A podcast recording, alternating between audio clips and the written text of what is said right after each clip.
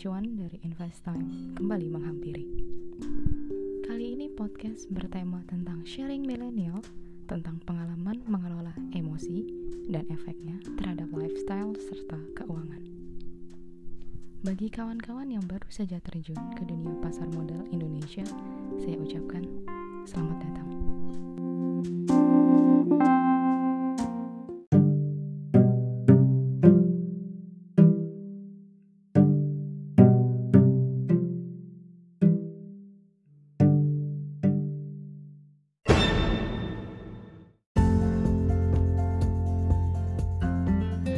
Baik, selamat siang, selamat siang ya sekarang ini kembali lagi bersama saya uh, di segmen cerita cuan. Kali ini saya ditemani oleh seorang blogger yang saat ini sedang bekerja sebagai admin di Biro Psikologi Insan Cita di Bontang. Beliau adalah Kak Fauzia Rahmawati. Silahkan sapa para teman-teman Investime, Kak. Hai, teman-teman Investime. Aku Zizi, jadi panggil aku Zizi aja ya Yev ya, nggak usah Kak Fauzia, kayaknya terlalu panjang deh Yev. Oke, Mbak Zizi ya berarti Mbak Zizi. iya, Zizi aja nggak apa-apa sih Yev. Oke, uh, jadi sekarang ini tadi sudah diperkenalkan di depan ya, berarti sedang bekerja sebagai admin di Biro Psikologi Insan Cita di Bontang. Iya, benar, benar banget boleh diceritain nggak itu sehari-hari pekerjaannya ngapain singkat aja kan banyak yang penasaran tuh di biro psikologi admin tuh ngapain sih apakah ikut uh, kayak ikut trainingnya atau ikut jangan-jangan ikut ngetes juga gitu kan banyak yang penasaran. Iya. Oke, jadi uh, keseharian aku bekerja di Biro Psikologi Insan Cita di Kota Bontang ini.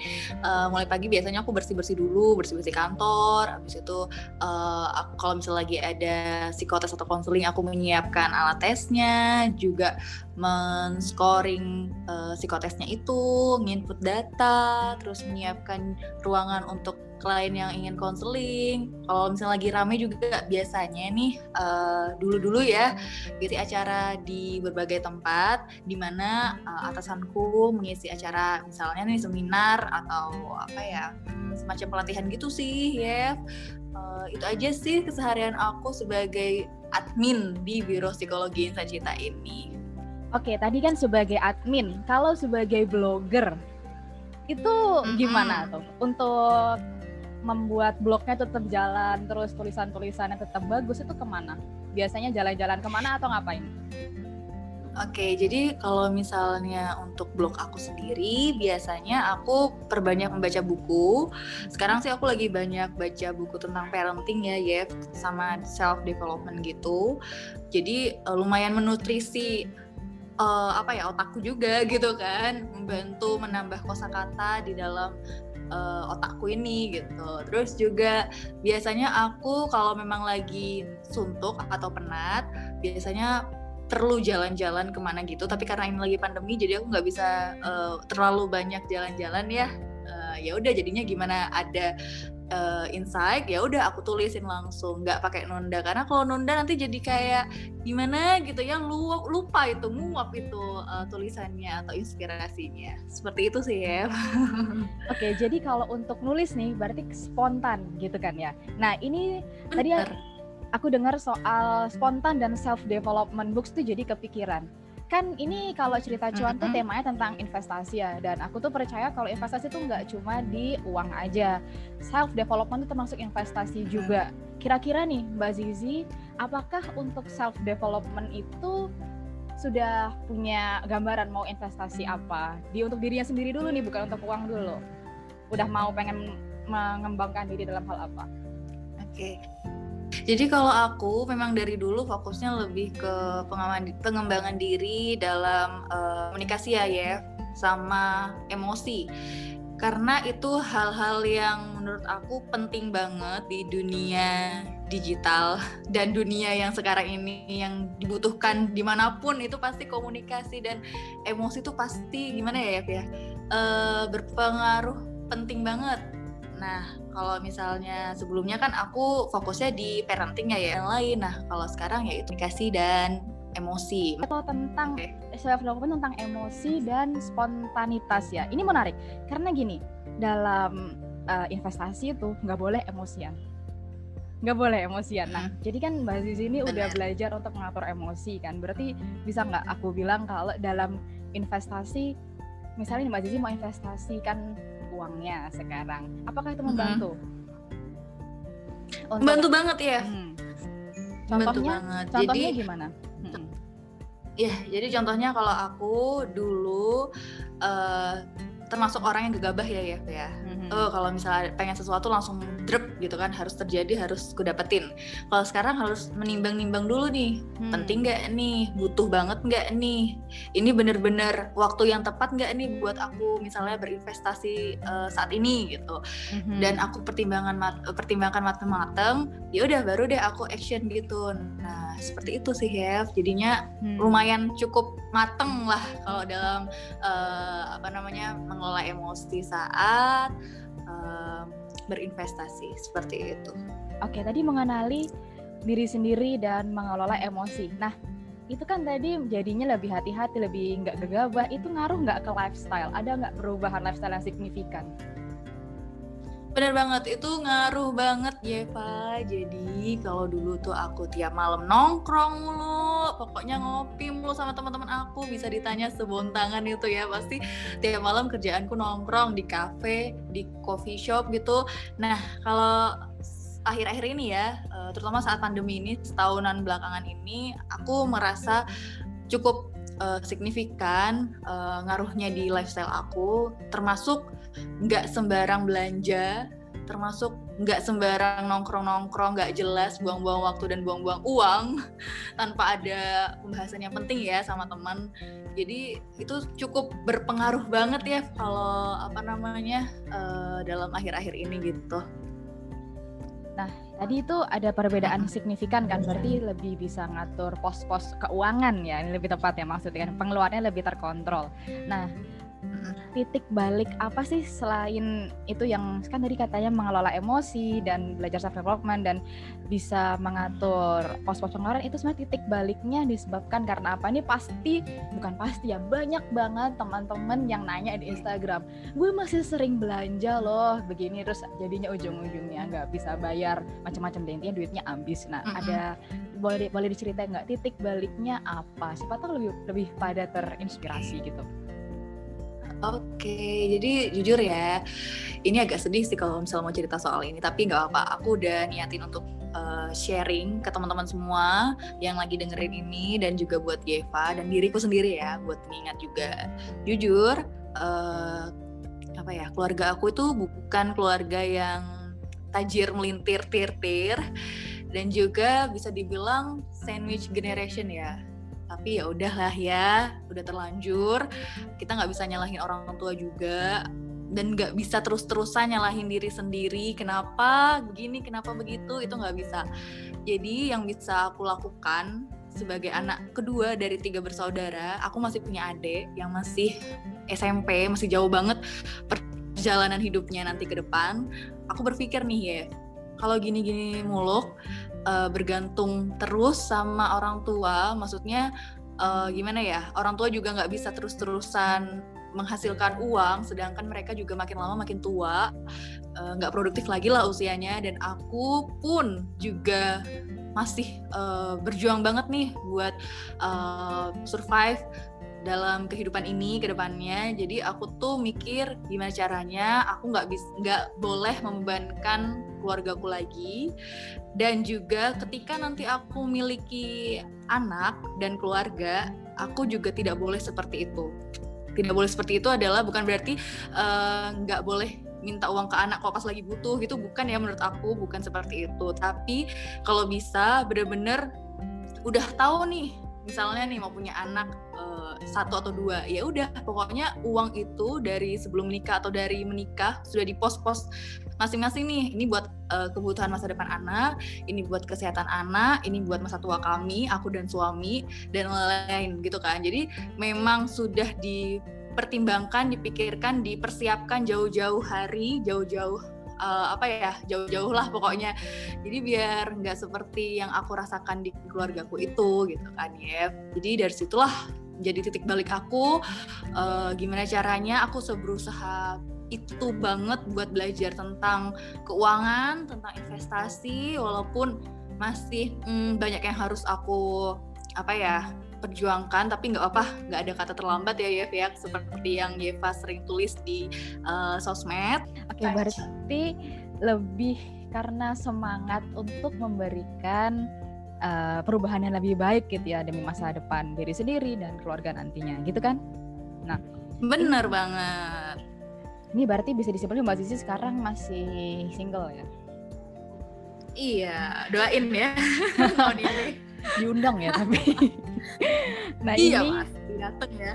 Hmm, aku mau tanya soal bagaimana cara kan tadi sudah uh, kasih tahu nih kalau mau persiapan untuk masa depan tapi juga harus membantu orang tua dan untuk diri sendiri juga. Aku mau nanya soal pos-pos pengeluaran tapi sebelumnya mbak Zizi keberatan nggak kalau aku tanya rata-rata rata-rata aja berapa total mm -hmm. pendapatan dalam sebulan? Rata-rata aja nggak usah okay. exact. Iya rata-rata makanya minimal dua setengah sampai 3 juta dalam sebulan itu nggak tentu karena kantor aku kan setiap bulannya itu uh, ada banyak job atau enggak gitu kan tergantung lah hmm. tergantung banyak enggaknya job jadi ya dua setengah sampai 3 juta gitu sih sebulan oke okay, nah dengan 2,7 dua setengah ya dengan 2,5 sampai 3 juta hmm. itu bagaimana sih cara Mbak Zizi ngatur nih pos-pos pengeluaran dalam sebulan nih biar yang tadi kan udah diceritain tuh mau untuk persiapan masa depan untuk Mbak Zizi sendiri untuk keluarga yang sekarang itu boleh diceritain nggak gimana ngatur pos-pos pengeluarannya? Iya. Kalau aku jujur dalam sebulan itu aku harus ngeluarin dulu yang namanya uh, cicilan dan biaya untuk keluarga. Hmm. Jadi uh, itu wajib wajib yeah. banget tuh. Baru deh aku ngeluarin yang lainnya untuk kebutuhan misalnya untuk diri sendiri, untuk uh, termasuk skincare dan perawatan diri sendiri ya. Terus juga transport dan makan selama bekerja, sedekah, kuota internet dan lain-lain. Nah, itu ada yang namanya ideal dalam mengatur keuangan ya dalam sebulan atau dalam kapan gitu ya. Hmm. 10% untuk kebaikan, 20% untuk investasi atau masa depan, 30% untuk cicilan, 40% untuk kebutuhan. Itu idealnya. Tapi realitanya kalau aku ngepostnya seperti ini ya 10% untuk kebaikan, 5% investasi, 30% itu cicilan, banyak ya. 5% 5 persennya tak terduga dan 50 persennya untuk kebutuhanku dalam sebulan. Emang gede banget untuk kebutuhan karena memang apa ya dibutuhin banget lah ya hmm. gitu.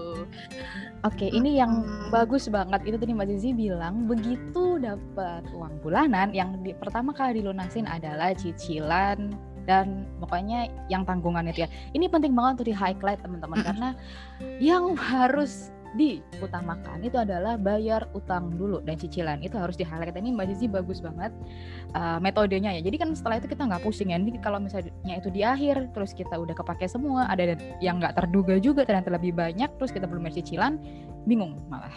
Nah ini ngomong-ngomong soal dana tak terduga itu masuknya apakah ke dana darurat at, maksudnya dana darurat yang 9 kali pengeluaran itu atau apakah ini dana darurat yang berbeda mbak? Hmm, kalau yang dana tak terduga ini nggak hmm. termasuk yang uh, dana darurat itu ya. Jadinya dana tak terduga ini biasanya setiap bulan aku ada ya, misalnya oh. nih. misalnya ada yang duka nih berduka gitu kan. Hmm. Nah, itu kan termasuk tak terduga ya bagi aku menurutku. Hmm. Ya udah jadi aku keluarin pos itu. Tapi kalau misalnya ada juga nih kayak kemarin, baru aja kemarin terjadi tuh ban banku bocor ya. Hmm. ban motorku bocor dan harus ganti ban dalam. Itu kayak hmm ya udah deh ganti 150 ribu. Itu kan juga termasuk tak terduga ya. Walaupun agaknya rempet-rempet dikit tapi ya udahlah ya ikhlasin aja. Setiap bulan pasti ada dana tak terduga itu Jadi bukan dana darurat yang 9 kali pengeluaran itu. Jadi ini sebenarnya penting banget ya teman-teman. Dana tak terduga untuk bulan. Itu ini bener banget karena ini saya juga sering tuh aku juga sering. Dulu pas masih sebelum PJJ nih itu juga selalu ada dana darurat. Mm. Mbak Zizi ini bener banget. Jadi kayak tadi ban ban ban motoran sampai botak itu kalau misalnya enggak di enggak dianggarin itu bisa mengganggu pos-pos yang lain. Jadi itu meskipun kelihatannya sepele itu harus di uh, dialokasikan gitu. Tadi dengar-dengar nih Mbak Zizi juga mengalokasikan untuk investasi. Boleh tahu Mbak investasinya di mana sekarang? Iya, aku investasinya di reksadana pasar uang dan saham. Tapi saham bukan yang saham itu loh ya, bukan yang ipot itu bukan. Yang mm -hmm. kamu bilang itu di bibit, bibit kayak okay. Raditya Dika. Oke, jadi eh, ke reksadana pasar uang sama yang di bibit ya. Oke. Boleh tahu nggak Mbak mm -hmm. alasannya kenapa kok ke reksadana pasar uang? Oke. Jadi aku waktu itu sudah benar-benar mempertimbangkan banget ya kenapa aku perlu berinvestasi dan uh, tujuan aku berinvestasi itu apa. Nah, hubung duitku nggak banyak ya. Belum banyak sih mudah-mudahan suatu saat bisa banyak. Duit nganggurku belum banyak nih jadi aku kalau bisa uh, dapetin resikonya juga yang nggak tinggi. Nah otomatis aku memilih reksadana pasar uang yang aku tahu uh, memang returnnya tuh nggak tinggi nggak besar tapi resikonya juga kecil. Nah makanya dari itu aku pilih reksadana pasar uang di Bibit guys. Jadi seperti itu. Podcast ini tidak di endorse oleh Bibit ya. belum, belum di endorse sama Bibit. Oke, okay, udah suatu saat bisa di endorse sama Bibit ya, Yep. Amin. Halo, HRD-nya Bibit, denger nggak? tag langsung, tag. Tag. Oke. Okay sebenarnya nih ya pertanyaan terakhir tadi tentang kenapa kok di reksadana pasar uang itu adalah pertanyaan terakhir dari recording ini. Nah, cuma sebelum ditutup, aku kasih kesempatan Mbak Sisi tanya tiga pertanyaan kalau ada yang mau ditanyain ke aku. Pengen nanya nih, Yev. Menurut kamu, Yev, aku termasuk telat nggak ya dalam memulai investasi di usiaku yang sudah tidak muda ini, udah mau 24 tahun ya. Bagaimana menurut kamu ya? Nggak, nggak telat. Silahkan cek postingan di Instagram yang judulnya gue baru mulai investasi di tahun 2021. Gue telat ngasih jawabannya? Enggak, karena nggak ada kata telat dalam investasi. Yang telat itu kalau nggak pernah investasi. Banyak kok orang yang baru mulai investasi di usia 40, 50, banyak. Mungkin memang nanti hasil investasinya nggak akan sebanyak yang mulai jauh lebih muda tapi nggak apa-apa itu bakal jauh lebih banyak daripada orang yang nggak investasi kan oke itu jawaban pertama bener banget bener banget Iya, terus juga menurut Yeva dan menurut teman-teman juga sih mungkin bisa ditanya balik ke dirinya masing-masing. Kalau misalnya investasi itu nggak setiap bulan, menurut Yeva tuh apakah setiap bulan itu wajib berinvestasi atau enggak? Itu dah bagi iya. aku yang hmm. Memang pendapatannya belum settle nih gitu. Ini kalau menurut aku ya investasi itu wajib tiap bulannya oke? Okay? yang tidak wajib adalah nominalnya.